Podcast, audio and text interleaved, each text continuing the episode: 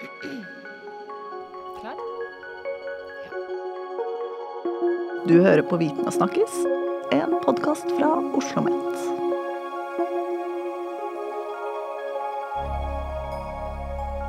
Welcome to a new episode of our podcast Viten og Snakkes. Uh, my name is Halvor Lavol, and today we are going to learn, or I am, at least I'm going to try to learn more about quantum computing, a buzzword probably many of you have heard of. So, in my studio today, I have two guests.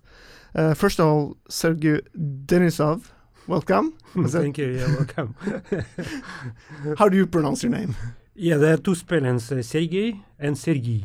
Oh, okay. So there is uh, up to you which one you like more. See how this goes. Officially, I'm Sergey. Okay, let's try that. You're an associate professor at the Department of uh, Computer Science, but Yep. where are you from actually? Originally from Ukraine. Ukraine. Yes, but then I spent most of my time as a researcher in Germany Ah. until February last year. And then we also have uh, Sølve here. Welcome back, Sølve. Thank you. You've Thank been here uh, before, S- Sølve S- Selstø. Mhm. Uh, Perfect pronunciation. thank you. and where are you're from? Well, I'm Vestlending, just like you. That's really nice. Uh, you're a professor at the same department, uh, the, the Department of Computer Science. Um, and first of all, you, you guys teach us a pretty exciting and new master degree there. Uh, what's that all about? Do you want to tell? Well, it's about a lot of things. Uh, the title is uh, Applied Computer and Information Technology, so that's, well, as wide as it sounds, yeah, applied. That's everything, isn't it? isn't it? Uh, but within that that heading, we also try and teach a little bit of of uh, applied mathematics, physics, uh, and in, and within that scope, we also have a course on quantum information technology, which is something that is we believe strongly is increasingly relevant, and Yeah. I think there is an in- should be an interest for, for students to learn that Mm, because not so many other people are learning these things these days yet. yeah. and this master is in is in English. I, I think so, right? Yes, Yeah. yes. It's So- international, so It's International. I think most of our students are, are international ones. Hmm. Okay. And, and as you said, a part of this master is uh, the topic of quantum computing. Uh, and where do we start when you want to explain this to a guy like me who is not a computer scientist? How, how, how do you explain this new kind of technology? Is it a new kind of technology? It is indeed, yes, surely, surely. But I will approach it from other direction. Why should we pay attention to it? And uh, there are two whys. The first one is a common because quantum computers are here. They're part of reality, so we cannot ignore them. And the second why it's particular. So it depends on um, who is the person. Politicians they should pay attention to it that uh, quantum computers serve some societal issue and not only big brother journalists they should update common people about this that uh, they do not feel like uh, uh, living in a hostile technological jungle so they understand at least something what uh, going on and uh, students they should pay attention because it's a new career path Yeah. it's a growing IT uh, job market Mm. So, and growing very fast. Yes, and it's IT. yeah. Uh, researchers, as we, it's uh, it's a high-profile uh, scientific direction. so if you do something, you're visible. Yeah. So there are many ways. Many ways. yes. But uh, quantum uh, computing, w- what's that compared to that, like the traditional computing we've been using for Well, I, all the I think last one years? way of seeing it is that how, uh, whereas an old-fashioned, so to speak, computer uh, take takes a piece of information and does something with it, well, it can if you if you run a, some program on several processors, it can there is parallelism to it. It can do several things simultaneously, but that's doing one thing on each processor. So so it's essentially taking a piece of information and do something with it, and then go on to the next piece.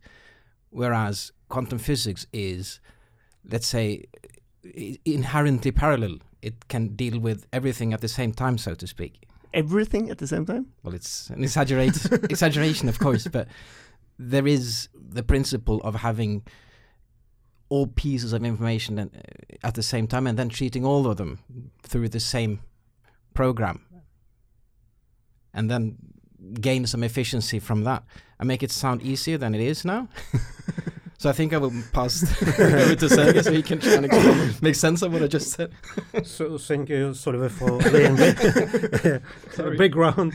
So, but yes, that that, that is uh, really the difference. So we can at least think of a classical computer of a device which is which is looking for an answer by checking all the alternatives one by one. So if we have many, we can do it in parallel, but still it's about checking some uh, alternatives. Mm.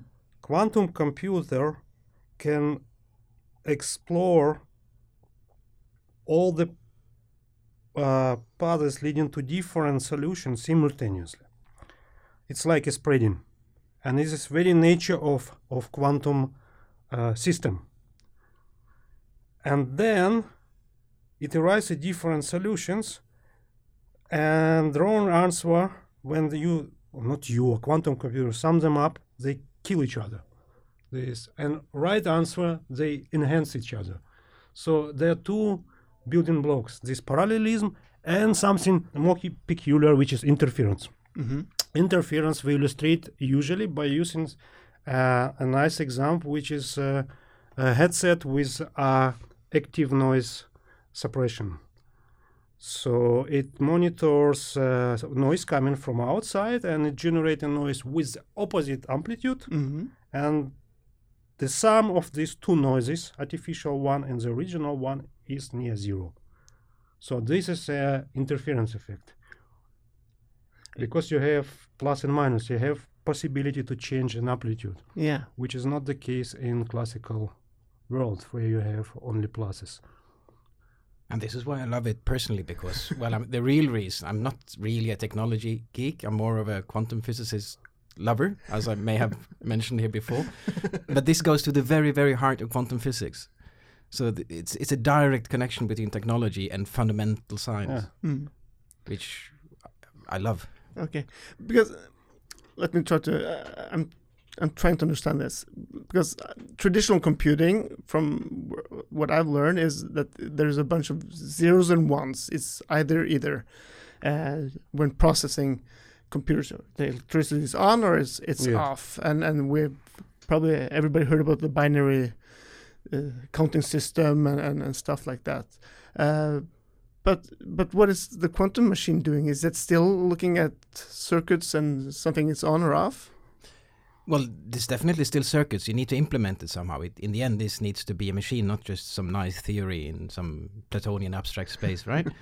uh, so yes, there are circuits. Uh, however, the the pieces of information, well, they're still zeros and ones, yes. But first of all, there can be mixtures of them, and more importantly, you can add them together and treat them simultaneously, as I mentioned before.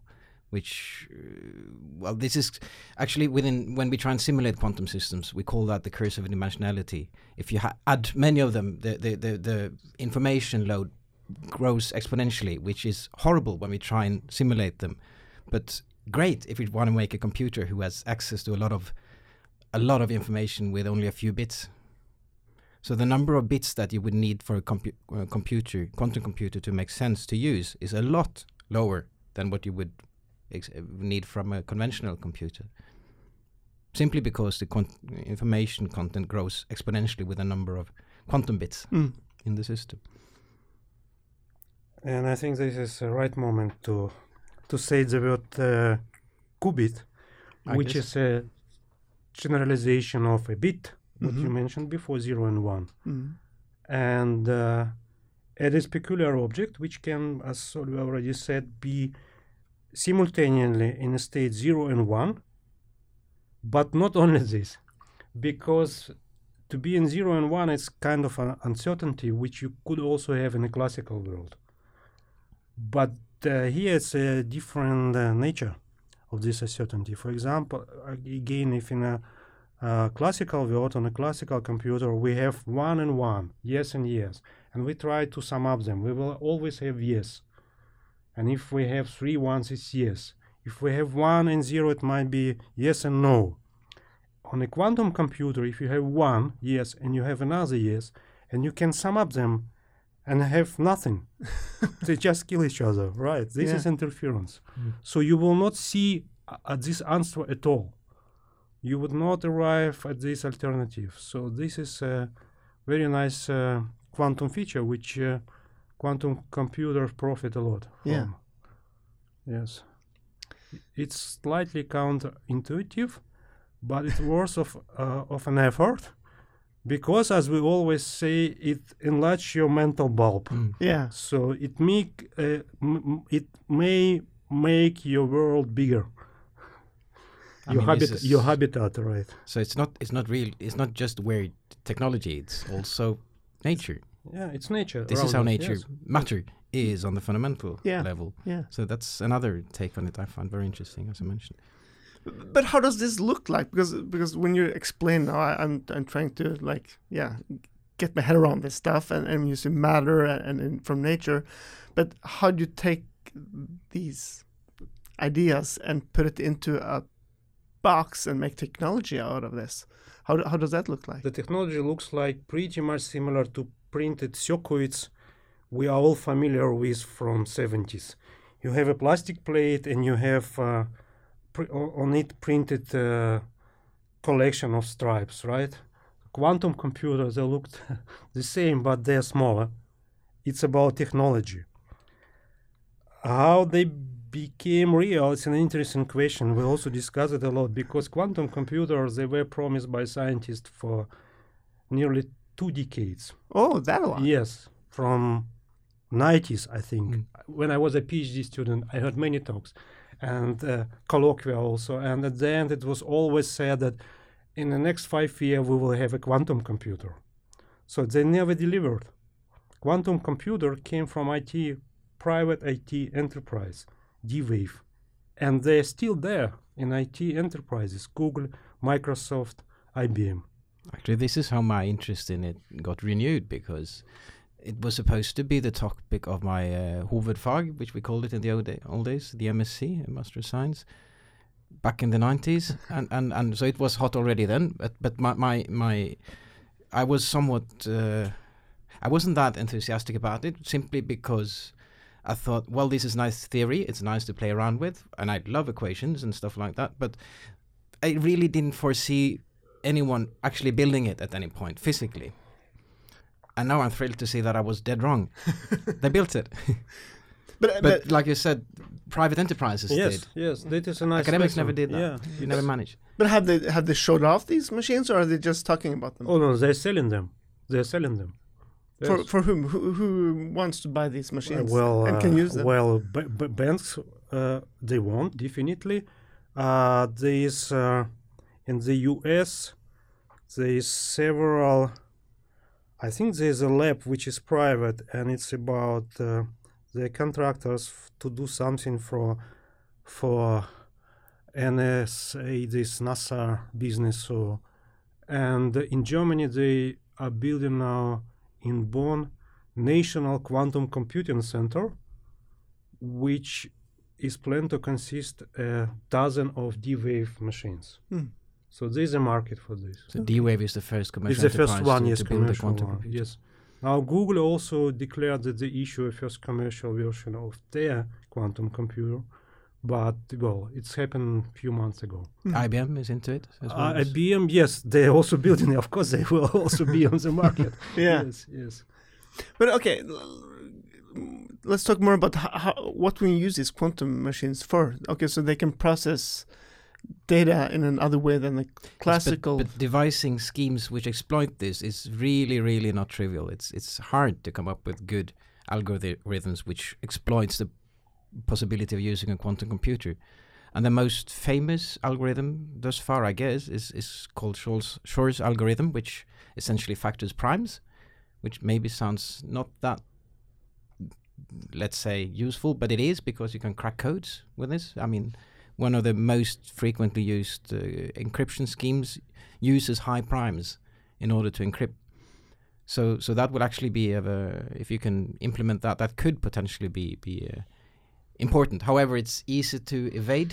Yes, that's what they say now. Sergey, lo- Sergey t- told me this, so it actually is not that relevant afterward, afterwards. But uh, yes, it was. A, all, it served uh, a motivation, of course, but now once the computer is here, yes, you can churn something and you can avoid this. Right? Mm. So I guess the main uh, drive in, in, in this development, people are very many smart people are working really hard to devise these kind of schemes, and I guess the main motivation is applying it within uh, multivariable min- minimization or Yes. machine learning, as yes, many people machine call it. Machine learning and yes, Okay. yes, precisely. Yeah, but that was going to be my question. Like when when in technology involving it, it's because there's a need somewhere here. But when you're talking here, it sounds like this is a fantastic technology and ideas, but it's not like people are not sure about. Well, I mean, how to IBM and Google and the other guys are investing millions, and I, uh, uh, nobody knows how many working hours per day or how many people have. But they wouldn't, they wouldn't be that that dedicated unless it, they thought it was worthwhile somehow. So,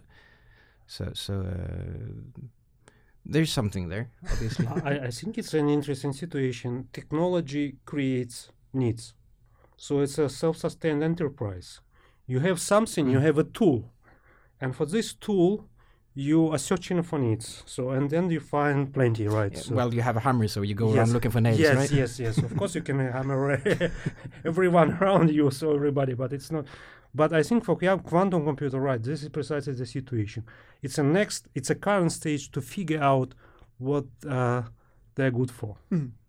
Yeah, to some extent, because this algorithm and the zenith of them, which Sølve mentioned before, Shor algorithm, Shor's algorithm, uh, the purpose of it was, of course, I think I cannot speak for sure, but uh, I'm pretty confident not to crack codes, but to highlight uh, superiority of quantum computing uh, versus classical one. Hmm. That was his motivation. And I guess that's the same is the case with this uh, newly announced quantum supremacy Yes, that Google precisely. claimed. I mean, IBM was saying right away, well, is this really interesting? And I guess in itself it isn't, but it's interesting because it's quantum supremacy. They Yes. proved that the quantum computer can do something better than a classical computer, physically, Yes, in real, yes. in the real life. They call it proof of concept, Mm. Yeah, but still it's very far from practical needs. yeah, yeah. So But uh, I also do sus- suspect that since Google and IBM and the other guys are so dedicated to this, maybe they know, know something that Yeah. we don't know. Maybe they have some algorithms or some applications of the algorithms that no one else thought of. Hmm. I'm sure there's a reason why they invest so much into it. Mm. Not just because it's a cool ga- gadget. Yeah, yeah, yeah. They will not waste money. for No.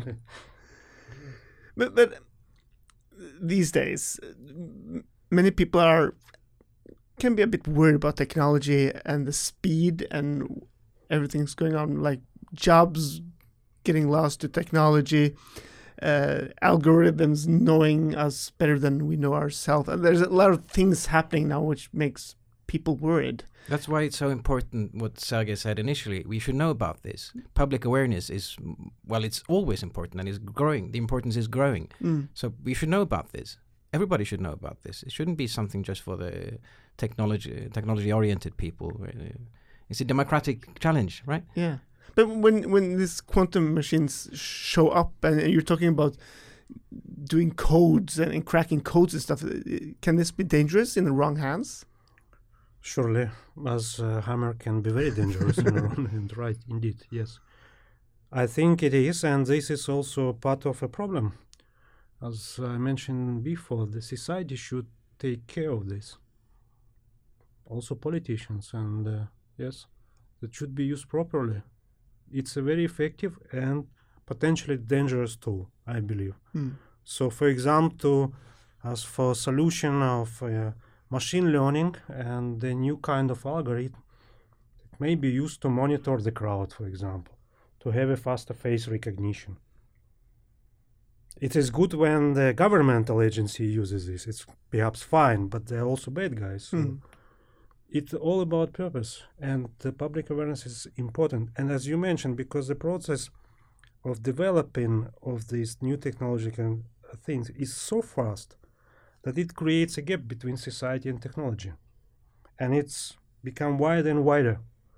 And the gap means something negative. People do not like it, right? Since you do not understand, you want to repel. Yeah. You would like to think they are bad. This is something, you know, garbage that will disappear soon. Yes, and that is natural reaction to quantum computing, which appears so suddenly. So, and that is uh, to take uh, care of, yes, immediately, I- Mm. I, would say. This is a problem number one. Before educating people, even. Mm. But isn't it then the problem that it's it's Google and IBM who's showing up with these machines because they are enterprises who yeah, keep of things. course, yes. It they is. are working for themselves, of course. Not They want to make money. Yes. Yeah. Yes, I would not blame them. No, but I mean they they already had have, have great power, and, and there's no reason to think that that power will decrease with these new technologies. Mhm. Right? So so well, maybe I've been watching too much Black Mirror, but but I think your question is very very Yes. legit, Mm. legit, legit, legitimate. But um, But how? So uh, when you guys are working on this topic, uh, what are you doing then? Is it on a theoretical level, or are you playing around with algorithms now? it's theory, and and uh, um, my my path into this this topic is from from quantum physics per se. Mm. So, so uh, I guess that's if I, somebody gave me a quantum computer at some point, I, I guess I would use it to solve to study quantum physics. Actually, that's the original idea behind the quantum computer. That's uh, which Richard Feynman proposed in the 80s, I guess. yes. So, so from a personal level, that would be my main interest, Mm. And I guess yours to some yes, extent. yes, too, to some extent the same, but we also have an agenda. An agenda to make it uh, not an abstract uh, subject of fundamental science, but something uh, applied, Mm. something more practical. IT like, Yeah. right? So, and if it's uh, about uh, educating students, that to show them how to use it Yeah. To solve their problems. So that's one of the things we really want to achieve with our master program. Yes. Well, that part of the master program anyway, to, to actually make pe- people write quantum code Yeah. and ma- and implement that. Yes, and, uh, and be you- quantum programmers. And now you can do this. Yeah. You just uh, open a quantum experience webpage of IBM and you have a direct access to their quantum computers. And you can test out. yes, you can code. write a code, you can send it, and you can have a result in a few minutes. And Wow. the interface is really well designed. it's yeah, not it's- that hard it's- to get into, actually. I'm They surprised. IT people, right? yes. what else? But when you get students here, uh, uh, what prereq- uh, re- what, what do you require? Like, what kind of knowledge should they have to start learning uh, quantum uh, with you guys? Do you need a lot of mathematics and physics and some stuff basic like math, yeah. Some some linear algebra, some calculus. Well, mostly linear algebra, really, Uh, yes, I and not even that advanced, I would say. Yes, but the whole idea of this new course that the student can come at least uh, uh, not tabula rasa, of course, but uh, matter at tusen, two tusen and Well, four thousand would be Tusen enough. would do actually, and Yeah. and you don't need to be an expert in physics. You can actually learn yes. this without knowing so much about quantum physics. It's, it's Actually, it's a nice way to learn about quantum physics. yes, this is a shortcut to quantum physics. Oh, okay, so Right. is, you don't have to have the quantum physics No, no, first, and absolutely then not. this No, you no, can do no. the other way. No, it's Yes. ra- it's rather opposite. Okay. It's a it's a bless to not have a quantum uh, physics as a course before. Well, mean- it wouldn't hurt, I mean, yeah. but you definitely don't need it. Yes. okay, so so students come in uh, in this master and they and they learn this yeah the, the principles behind the quantum and they can test it out with this IBM machine. Yes. But but how do you think uh, they can use this when they get out in the out in the work field after their master? What's the what's the state of the union within the quantum in the IT uh, market? Well, we don't know, but there are signals. There is Yes. already a job market there. Yes, it's a huge one. So not in Norway yet, but in the US and Europe definitely. So this a web page where all job offers related to quantum computing are aggregated, and you can check it. And every day it's about 300 uh, job offers, Okay. and there is no enough people to fill them. Yes, and you see all different kind of enterprises, starting from small startups and uh, uh, ending with uh, banks. Yes, I think there is a huge demand for IT expert with a knowledge of quantum computing, not vice versa. Yes. Not the physicists who know how to program. Well, they already have jobs. Yes, they have. yes, they have. They secured. Right. You mentioned to me earlier that you're you're working together with people at Simula, which is a, a Oslo-hosted uh, environment yes, for technology. with whom we collaborate already uh, in, at Oslo Met, right? Mm. And, and there is a researcher there called Shaukat Ali who has uh, two openings for PhD um, candidates working with uh, quantum software engineering. So Ah. that's his background is within the software engineering direction rather than physics per se. But he's also welcoming physicists, I'm sure, or, or Yes. mathem- people Yes. with an interest in mathematics or IT. So I think it's quite open to suggestions and also to master students, if I understand correctly. yes, to to to do diploma and uh, Mm. master projects. As are we, of course. Yes. Yeah. So so this would then be a more an academic uh, path into the the topic of. Uh, It is. Quantum. It is uh, also passed to to industry. I Yeah. would say yes, yes, because it's IT lab. It's not an uh, academia bulb. After all, and I think such a choice it's a very wise uh, option.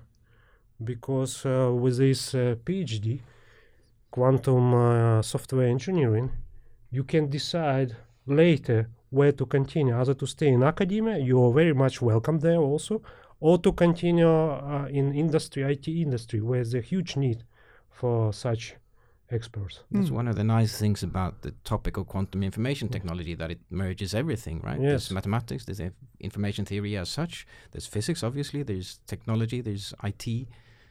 So, so, so it's a good place for many people from many directions to meet. I would say, Yes, and gives uh, And- freedom and flexibility, right? also for your future career. Yes. Interesting.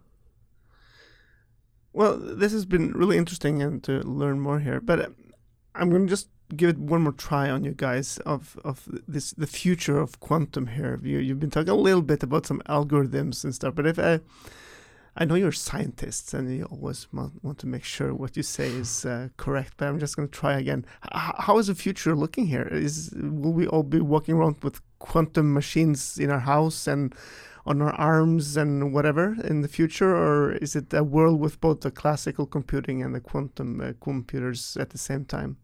I think yes, it's going to be a blend of classical and quantum. It's uh, wisest and safest option to say we are not able to foresee a future of quantum computers at all. This is indeed true. It is what happened to classical computers.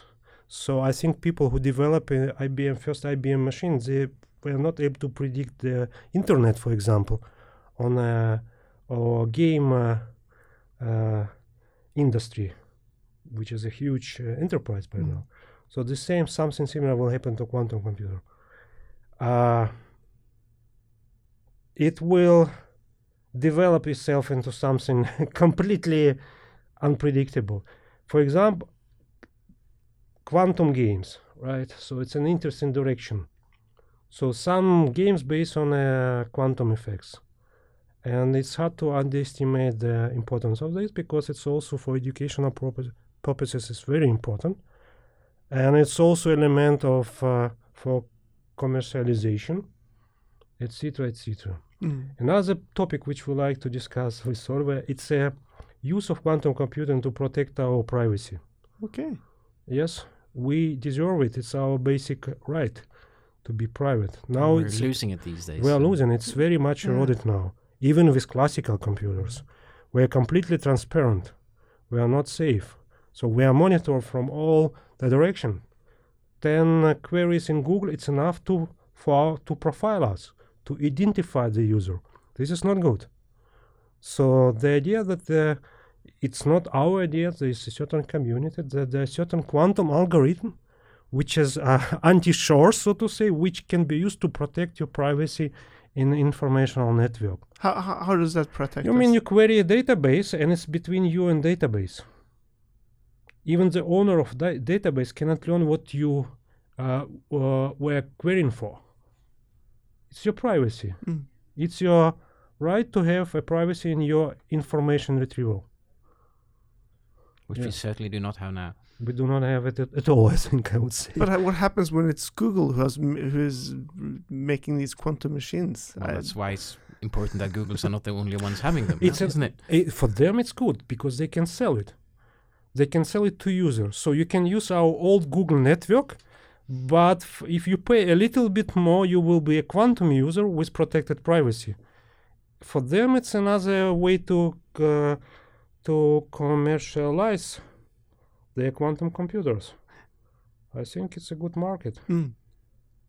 of course they can trick and play with because but it, it's always a, a part of the game. Yes So when you think we have a quantum computer uh, in our on a desk in a in desk at Oslomet, taking into account the speed is going on i think in 10 years definitely yes. It's um, uh, they will be ready. But they will uh, the Oslomet should uh, be ready to pay for it as well i think. So that we cannot predict and control yes. Well, I tried pr- to predict in the 90s, so I will not try and do that now. yeah Sergiy and Sølve, thank you very much for uh, coming to our studio and trying to explain quantum computing, which uh, it sounds really interesting, and uh, uh, and I I'm gonna follow you guys and see how this evolves. Uh, so if you as a listener are more interested in this topic, we're gonna link up to some more. You have been writing about this topic, we have a piece yes an opinion piece right yeah. We'll link up to that, and, uh, And the ACIT program, of course. of course, is it? So if you uh, want to do the master and, and learn more about quantum, we, you can have a look at the master. I think the deadline is April 15 there, so still some time to think about that. Um, and uh, yeah, you should just follow up on uh, our guests to see what they're uh, working on within this field. So thank you, thank you Thank you. thank you and uh, keep posted because we're going to have new episodes coming up pretty soon. So make sure you're subscribed to our podcast.